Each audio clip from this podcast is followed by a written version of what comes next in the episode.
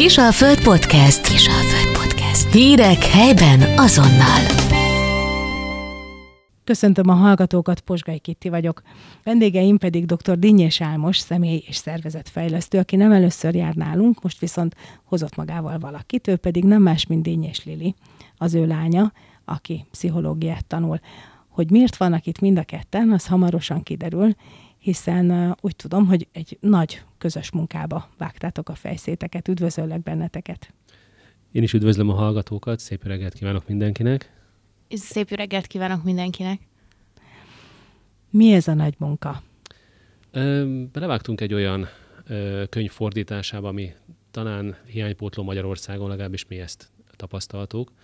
Ez Pete Walker nevű amerikai szerzőnek az úgynevezett CPTSD, vagy magyarosabban mondva CPTSD-vel foglalkozó gyakorlati útmutatója. Mi ez a CPTSD? A CPTSD a komplex posztraumás stressz szindróma, magyar, szép magyarosan. A, amit többen ismerhetnek, a posztraumás stressz szindróma amit általában a háborúkkal és veteránokkal asszociálnak a legtöbben. A komplex formája ennek a zavarnak nem feltétlenül csak a háborúval összeköthető. Több komponensből áll össze, mint a pszichológiai zavar, a, és a legáltalánosabb, vagy a legismertebb tünetei például az érzelmi érzelmi flashbackek vagy emlékbetörések magyarosabban, toxikus szégyenérzet, önelhagyás, kegyetlen belső kritika és szorongás. És mai világban egyre többen szenvednek ezzel a zavarral. Miért szenvednek ezzel a zavarral egyre többen? Mi az, ami kiváltja mostanában ezt a szindrómát? Ennek a dolognak van egy olyan része, hogy most kezdjük felismerni azt, hogy nagyon sok ö, mentális problémának, és nem feltétlenül mondanék betegséget, a, az oka valamilyen trauma. És van egy ö, olyan amerikai szerző, jól emlékszem, Peter Levin volt, aki azt írta, hogy Amerikában van a mentális betegségeknek egy ilyen óriási kézikönyve. Jó vastag. Ha valaki még emlékszik olyanra, hogy telefonkönyv, tehát olyan méretű könyvről beszélünk. Volt egy ilyen mondása, hogyha a komplex PTSD-t benne van egyébként, de valójában megnézzük, akkor ez a vastag telefonkönyv vékony füzetméretűvel zsugorodna össze, hiszen annyi mentális problémának a gyökere ebben rejlik. Most ezek a mentális problémák ugye azért, azért kezelendők, és, és azért nagyon fontosak, mert bár táppénzre, hogy így mondjam magyarul, nem jogosítanak, tehát ugyanúgy el kell látni az embernek a munkáját, a mindennapi életeit viszont elég keményen megnehezíti, akár a munkavégzésben, akár a család ellátásában. Mm, igen, nagyjából erről van szó. Mondanék egy történetet hozzá. Talán mindenki ismeri Csipke Rózsika történetét van egy olyan jelenet benne, még talán a Disney filmben is benne volt, ha valaki látott régi diafilmeket, akkor ott meg volt ez a képkocka, hogy a, amikor Csipke Rózsika éppen megböki az ujját lent a kastély pincéjében, vagy konyhájában a szakás le akar keverni egy pofont a kuktának. És ö, megböki az ujját Csipke Rózsika, elalszik az egész vár, félbe marad a mozdulat. Eltelik száz év, jön a herceg, puszi, minden, Fölébred Csipke Rózsika, Szakács is, és lekeveri a pufont száz évvel később a kuktának. Itt is erről van szó. A németek ezt Küchenjung fenoménnek hívják, magyarul kukta-effektusnak lehet talán fordítani. Az agyunk eltárol bizonyos emlékeket, amikor valamilyen reakció minket megvédett. És ezt a reakciót bármikor képes behozni. Sajátság a dolognak, hogy ez amikor azt a szót használom, hogy reakció, ez együtt jár azzal, hogy az akkor érzett érzelmek eljönnek, az akkor érzett testi reakciók is előjönnek. És ez bármikor megtörténhet, bármelyik eleme.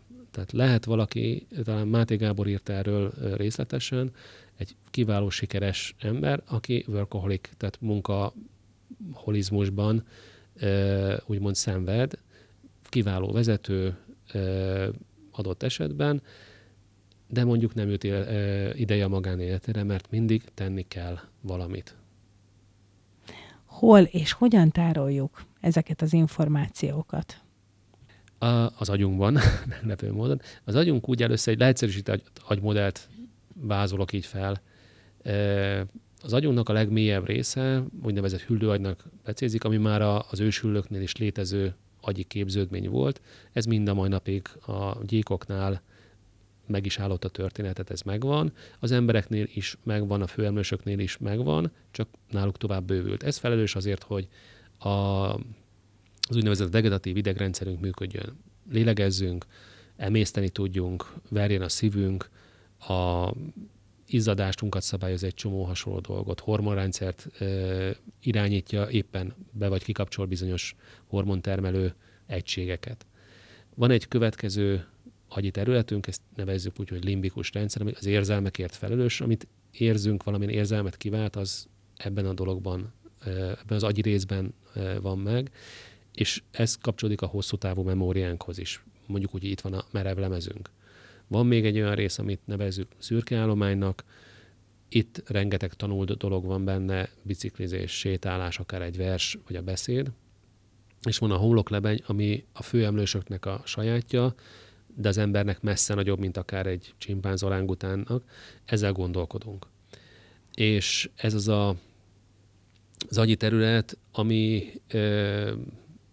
hogyha stresszreakcióba kerülünk, akkor a legkevésbé működik sajátos módon.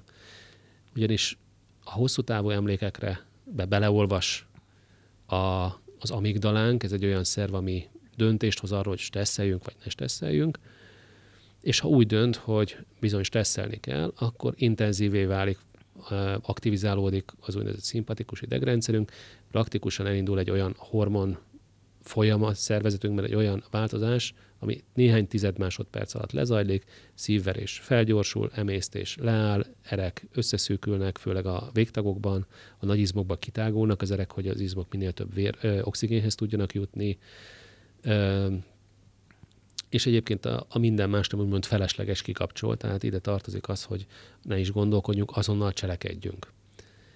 Egy-egy korábban megélt trauma során ezek tárolódnak el, és egy másik élethelyzetben később ugyanezek jönnek elő. Ha szerencsénk van, akkor ö, a megfelelő helyen a megfelelő reakciót dobja be az agyunk, és ezek a, a problémák ö, akkor jelentkeznek, amikor nem a megfelelő megoldást igyekszik az agyunk feldobni, mert vagy nincs meg nála, vagy egy valamilyen korai élményhez kötődik az, az a reakció, amit nagyon nehéz felülírni. Külső segítség nélkül elég nehéz. Ez a könyv egyébként ehhez ad gyakorlati tanácsokat, hogy ismerjük fel, hogy vegyük észre, és így tovább.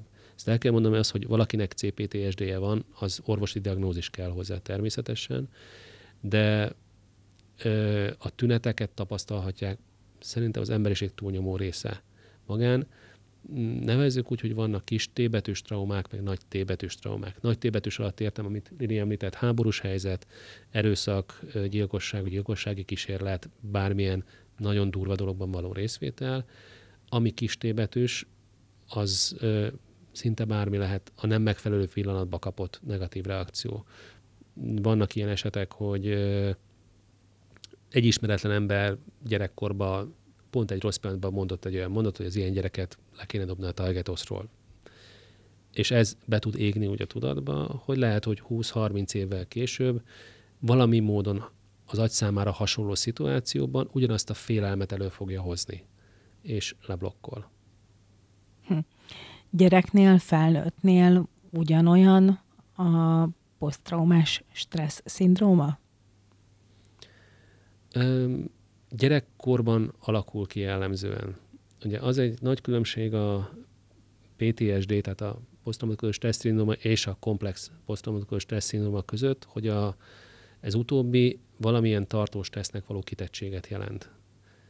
Ez súlyosabb esetben lehet akár fizikai, akár érzelmi, akár verbális bántalmazás éveken Mondjuk, keresztül. hogyha valakit hosszú-hosszú éveken keresztül bántalmaznak, akár oda-haza családi környezetben. Ez vezethet oda, tehát ennek felnőtt korban lehetnek tünetei. Felnőtt korban mi hozza, mi hívja elő ezeket a tüneteket? Lehet ez bármi? Egy, egy illat, egy, egy mozdulat, egy képsor, akármi? Gyakorlatilag igen. Most a háborús veteránoknál az egy jó példa, bár az PTSD, erről beszélünk, ott amerikai filmekben ezt többször fel is dolgozták, hogy az úton egy kipogócső durran mondjuk egyet, abban a pillanatban az agy számára erős durranást azonosít, beazonosítja, hogy ez olyan szituáció volt, amikor akkor tudtam életben maradni, ha összehúztam magam, elbújtam, vagy könyörögtem az életemért, vagy valami, és abban a pillanatban ő már ott van. Tehát ebben ez a bizonyos flashback, vagy emlékbetörés, amit Lili említett, ez vizuálisan is ott van, tehát ő látja ugyanazt újraéri Vietnámba, Afganisztánban, bárhol, ahol volt. Összehúzódik ugyanúgy, mint ahogy megtette mondjuk a lövészárokban, de lehet, hogy ez mondjuk New York közepén történik, egy forgalmas utcában. A CPTSD esetében most egy enyhébb dolgot mondok, valakinek volt mondjuk egy olyan tanító nénie, akinél a felelés mindig problémás volt, megjegyzéseket tett a tanítónéni, és szégyelte magát a gyerek. Ez az, amit toxikus szégyenérzetnek hívnak, ami nem az egészséges önvédelmi reakció arra, hogy mit tudom én, valami kellemetlen dolgot tett az ember, és utána rosszul érzi magát. Ez amikor folyamatosan eszi magát belülről, és saját magát bántja már azzal. Ez az és érzés. újra, újra lejátsza újra ezeket és újra a szituációkat, és igen. mindig rosszul érzi igen, magát tőle. Igen, igen. Szerintem ezt az érzést, ezt nagyon sokan ismerjük. Igen. És ez, ez alakul ki ilyen gyerekkori bántások során? Vagy egy-egy rosszkor elhangzott rossz mondat? Ez az egyik komponense. Mi lehet Mert még? ugye szorongással is együtt jár. Ez a szégyenérzet nem feltétlenül ugyanaz, mint a szorongás, amit ugye nagyon sokan ismernek. Szerintem szinte mindenki élt már megszorongást életében. Szégyenérzetet is mindenki, tehát tényleg az, az, az szinte mindenki átélte, valamilyen szituációba belekerült. Igen. Na, de van ennek egy ilyen egészséges, átugrunk rajta, Igen. túllendülünk rajta, nem foglalkozunk vele, irigyeltem is mindig az ilyen típusú embereket, akik, akik így ennyire könnyedén tudták venni ezt. Meg van, van az a típusú ember, aki még évek múlva is azon rágódik, hogy hát lehet, hogy mikor, mit tudom, én hét éves voltam, nem biztos, hogy azt kellett volna mondanom a Béluskának, hogy de nagy a fejed, mert ezzel hogy, hogy megbántottam én őt akkor. Ez a szégyenérzet, de a mértéke nem feltétlenül ugyanaz. Mert hogyha mondjuk a te példádat vesszük, hogy valamit mondott valakinek, vagy valaki mondott neki valamit, oké, okay, hogy gondolkozik rajta mondjuk még hét év múlva is, aztán majd egyszer elfelejti, de mondjuk nem okoz problémát a mindennapi életben. Például az a szégyenérzet, amikor um, em, emiatt, egy ilyen emlék miatt nem megy ki a házból, mert szégyelli magát, annyira rosszul érzi saját magát a saját testében, a saját bőrében, a saját fejében, hogy mondjuk nem hagyja el a házat. Van ezen, ilyen is. Ezzel És lehet segíteni? Lehet önmaga is tud magán segíteni, vagy ehhez már feltétlenül szakember kell? Hogyha komplex PTSD-ről beszélünk, akkor szerintem mindenképpen szükséges külső segítséget hozni.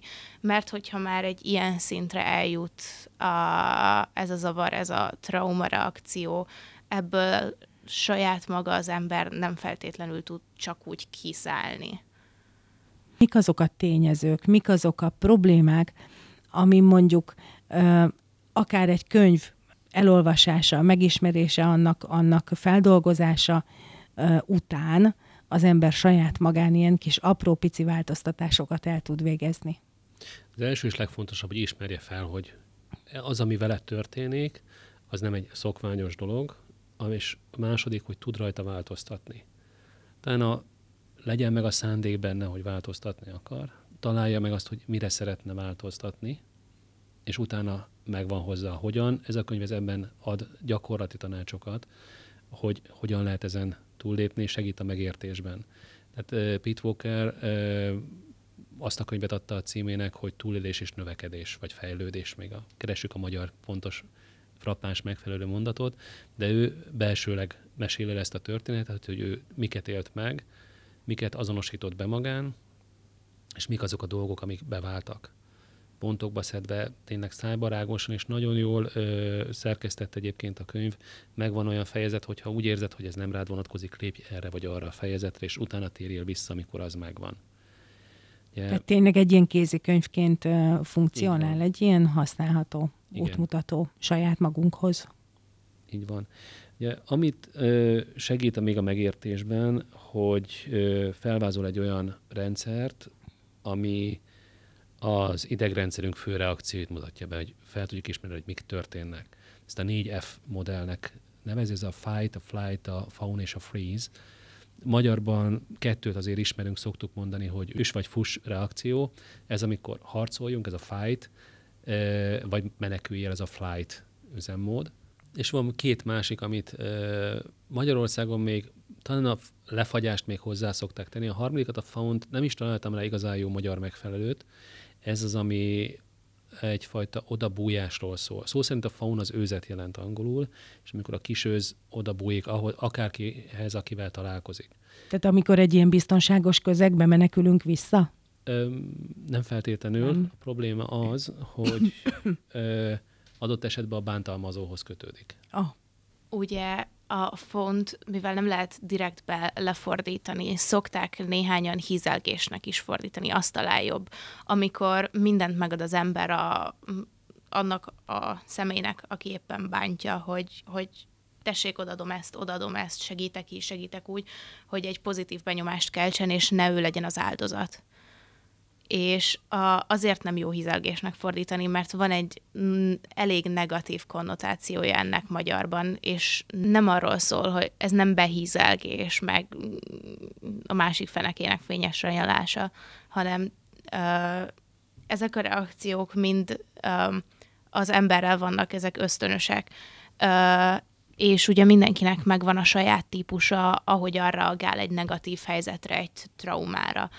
Ö, ugye a négy típusból a fight, ahogy apa említette, az ős, az agresszívan reagál. Például uh, szintén amerikai filmekben lehet látni, amikor elkezd lövöldözni, mert hal egy kipufogó durranást, egy veterán vagy valami hasonló, uh, ami egy eléggé eltúlzott példa, de ez is egy valószínű lehetőség, meg meg is esik, nem teljesen alaptalan.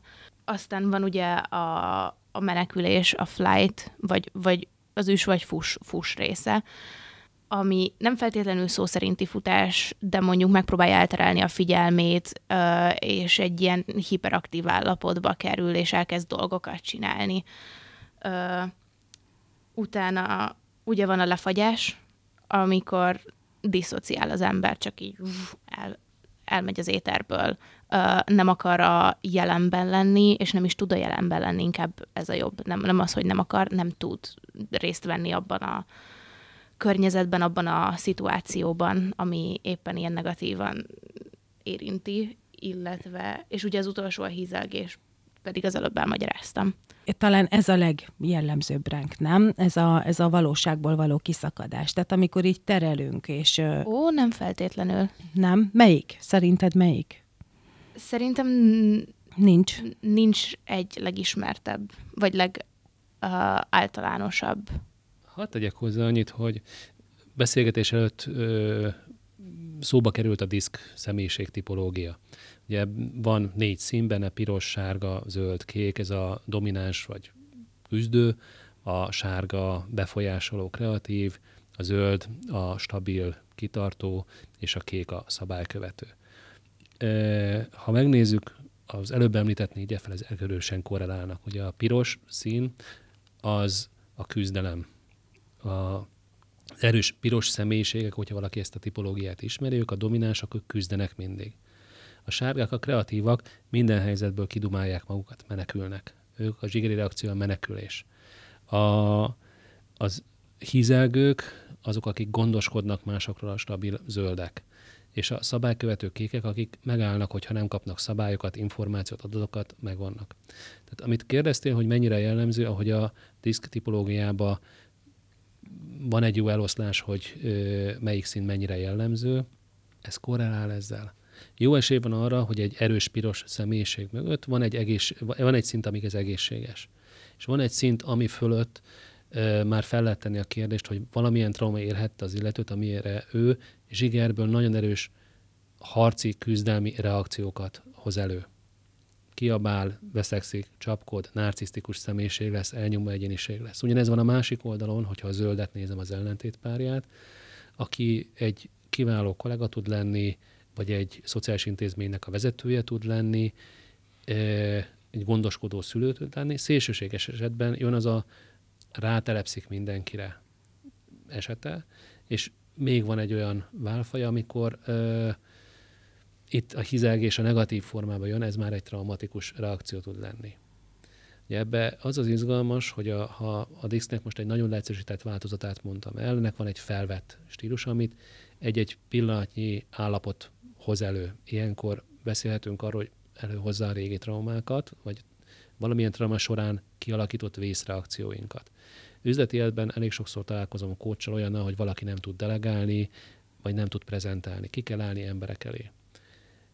Lehet ő egy piros, erős vezető egyéniség, ha előtte van egy mikrofon, lámpák a szemébe világítanak, ő visszakerülhet egy olyan szituációba, amikor mondjuk felelni kellett az iskolában, és a tanárnő őt mondjuk megalázta, beszólt valamit, abban a pillanatban elkezd adódni, nem tud megszólalni, elkezd izzadni, problémái lesznek. Ez is gyakorlatilag egy posztraumatikus stressz szindróma nála, és ő a lefagyás állapotába kerül. Ugye a legújabb idegrendszeri vonatkozó kutatások ezt a négyet be is tudták azonosítani, melyik területekhez tartozik. Van az embernek egy bolygó idegrendszere, vagy más néven paraszimpatikus idegrendszerének, megvan az a része, mondjuk a kapcsolatokért felel, ami a faun, vagy ez a hizelgéssel kötődik. Megvan a freeze része, ami a lefagyáshoz kötődik. Megvan az aktív rész a szimpatikus idegrendszerbe, ami a küzdelemhez, meneküléshez kötődik. Vannak olyan vizsgálatok, amikor pont az ominózus disztesztet vizsgálták, hogy ahogy töltötték ki a tesztet, feltettek egy EEG készüléket az illető fejére, és hogy felvillantak a válaszok, annyit a tesztről, hogy sorba kell rendezni bizonyos mondatokat, a hozzá legközelebb álló mondatnál teljesen más agyterületek aktiválódtak, mint a hozzá legtávolabb állótól. Egyszerűen csak az, hogy látta a mondatot. Ez is egyfajta stresszreakció. Tehát amikor arról beszélünk, hogy posztraumatikus stressz szindróma, ez a komplex változata, ebbe benne vannak a napi jelenségeink, amikkel normál módon együtt élünk, és ilyenkor azok a megéléseink jókor jó helyen jönnek. És az előbb említett példa, hogy nem tudok prezentálni, az a nem jó helyen jön nem tanultam meg, nem tanítottam meg a szervezetnek, hogy helyesen akkor működöm, ha kiállok a tömeg elő, és nyugodtan, komfortosan érzem magam, és beszélek. Nála az van, hogyha fölállok, szemembe süt a lámpa adott esetben, van egy tömeg, ami mormolását hallom, már az agyban ezek összekapcsolódnak, megtalálja az amigdalánk a hosszú távú memóriában azt az emléket, hogy hopp, volt egy ilyen eset, ilyenkor nagyon rosszul jöttél ki belőle, tehát az a reakciót, hogy csöndbe maradsz. Hm. És hiába valaki egy kiváló, jó kiállású vezető, ott áll, és nem tud megszólalni. Fel lehet ezeket oldani, külső segítség kell hozzá. Talán ez még nem is az az eset, hogy orvos kell hozzá, ez amit a coachingban is vannak speciális ágazatok, amivel foglalkozom, Wim coaching, ebben tudunk nagyon sokat segíteni. Mivel konkrétan? Pszichoterápiában alkalmazott módszerek alkalmazásával. Hangsúlyozottan kócsként én nem gyógyítok. Tehát ilyenkor ilyen jellegű tüneteket tudok kezelni. A módszertan ugyanaz.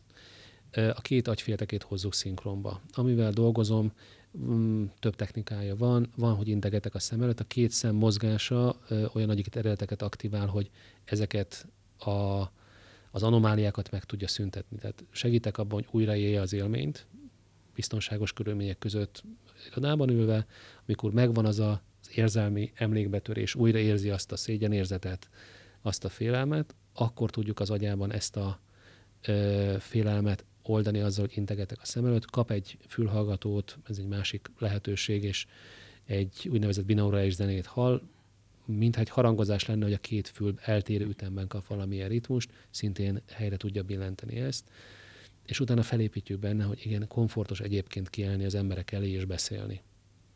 Sokszor ö, megtörténik az, hogy nem is tudják, hogy mi okozta azt, hogy ők nem tudnak kiállni.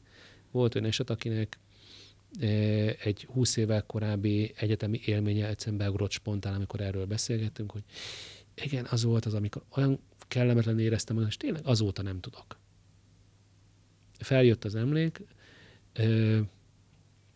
úgymond újra eladhattuk a szakácsot a Csipke muzsikában, tehát azt mondtuk, hogy oké, okay, kedves szakács, az a kukta már megbűnhödött a dologért aludt száz évet, itt egy új módszertan, tehát máshogy is tudtok működni a konyhában, tehát megtanulta azt, hogy igen, máshogy is ki tudok menni az emberek közé, és egy-két kezelés után tud prezentálni. Megjelenhet úgy, hogy azért nem tud valaki mondjuk kollégákat dicsérni, mert soha nem tanulta meg, hogy milyen a dicséret. Vagy éppen fél a dicsérettől, vagy a dicséret hiányától. Ezek is ilyen jellegű tünetek, szintén hasonló módszerekkel lehet ezeket ö, oldani. Ezek, amiket a tünetnek mondasz, én egészen eddig úgy voltam vele, hogy ezek személyiség típusok. Tehát, hogy van, van ember, aki ilyen, aki olyan. De azt mondod, hogy, hogy ezek olyan árnyalatni különbségek, amiken így lehet változtatni, és nem feltétlenül kell valakinek élete elejétől a végéig egy ilyen kis szorongó, visszahúzódó embernek lenni, vagy éppen túlságosan harsánynak? Pontosan. Nagyon sokféleképpen el lehet mondani. Tehát ha valaki azt kéri, el tudom spirituálisan mondani, meg idegrendszer oldal, de gyökere nagyon egyszerű, hogy miért lehet ezen változtatni. Amikor megszületik egy kisbaba, egy csecsemő, van, vitatkoznak rajta a tudósok, de minimum 80 milliárd, meg maximum 120 milliárd agysejtje. Nagyságrendileg azért érzékelhető, hogy nem egy kis számról beszélünk. Amikor eléri a felnőtt kort, tehát 20 pár éves, ugyanígy ez a 80-120 milliárd sejtje megvan. De az agy tömege az 3-3 és félszeresére megnő. Ennek az az oka, hogy születéskor az idegsejtek között egy-két kapcsolódás van.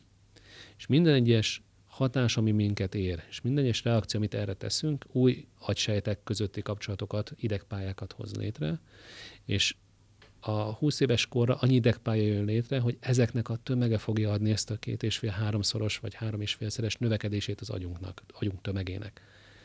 Ami jó ebben, hogy idegsejtet növeszteni azért nehéz, meg van, aki azt mondja, hogy nem is lehet, de idegpályát lehet. És ezeknek a beszélgetéseknek, egy hatékony coaching beszélgetésnek, egy pszichológusnál, egy terápiának, egy pszichoterápiának vannak olyan hatásai, amik új idegpályákat hoznak létre, vagy az idegpályák nevezzük úgy, hogy ellenállását megváltoztatják, és más módon fogunk reagálni ugyanazokra a szituációkra. Ehhez kell a felismerés, hogy lehet, már ez, ez nekem nem oké, kell a következő, hogy szeretnék változni rajta, a harmadik, hogy mire szeretném megváltoztatni, és utána jön a hogyan. A hogyan ebben a könyvben lesz erről szó. Ö, külső segítség, felismerni a szituációkat. Tehát felismerni azt, hogy oké, okay, kint állok a, mondjuk prezentálok, maradok ennél a példánál, szégyent érzek, be tudom azonosítani, hogy szégyent érzek, és ez nem az én érzésem, vagy nem a mostani énemnek az érzésem, hanem egy gyerekkori.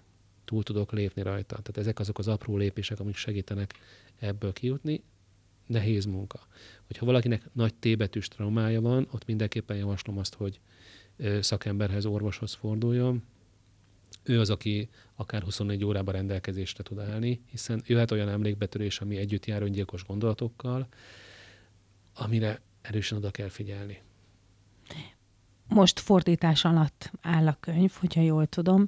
Mikorra tervezitek a kiadást? Úgy számolunk, hogy év vége fel elkészül a fordítás. Sokat fog számítani azt, hogy Lady tanulja is ezeket, ráadásul angolul úgyhogy a szaknyelv, illetve a szaknyelvi lektorálás meg lesz. Mindenképpen szeretnénk azért megnézetni még valakivel a végén a fordítást. Én bízom abban, hogy év végén, karácsonytáján vagy jövő év elején ez meg fog tudni jelenni. Én még ennek kapcsán szeretnék visszatérni az előző kérdésedhez, hogy ugye mondtad, hogy minden nap életben vannak ilyen személyiségtípusok, és hogy változtatni kell. Nekem erről az jutott eszembe, hogy um, nem minden szorongás trauma, és nem minden vezet komplex posztraumás stresszhez. Ugyan módszertan hasonló lehet változtatni, de akkor kell és szükséges változtatni, hogyha ezek a traumák, ezek a reakciók a mindennapi élettel tehát megakadályozzák és megnehezítik. Mert lehet például valaki egy szorongós típus, de ez a szorongás segít neki amin befejezni a dolgait, és mondjuk nem az, nem az lesz az eredménye, hogy bent fekszik az ágyában, mert nem tud kikelni, mert úristen mi lesz, hogyha nem feltétlenül kell a szorongós típusnak változtatni a szorongásán, hogyha neki ez nem nehezíti meg a mindennapjait. Én nagyon jó utat kívánok nektek az önismeret és a fordítás útján. Várlak benneteket vissza nagyon sok szeretettel. Álmossal fogunk még találkozni más témákban is, de amint elkészült a könyv, nagyon szeretném, hogyha újra jönnétek mind a ketten. Hallgatóinknak is köszönjük a figyelmet, minden jót, viszont hallásra. Köszönjük viszont hallásra. Köszönjük szépen! Kisalföld Podcast. Hírek helyben azonnal.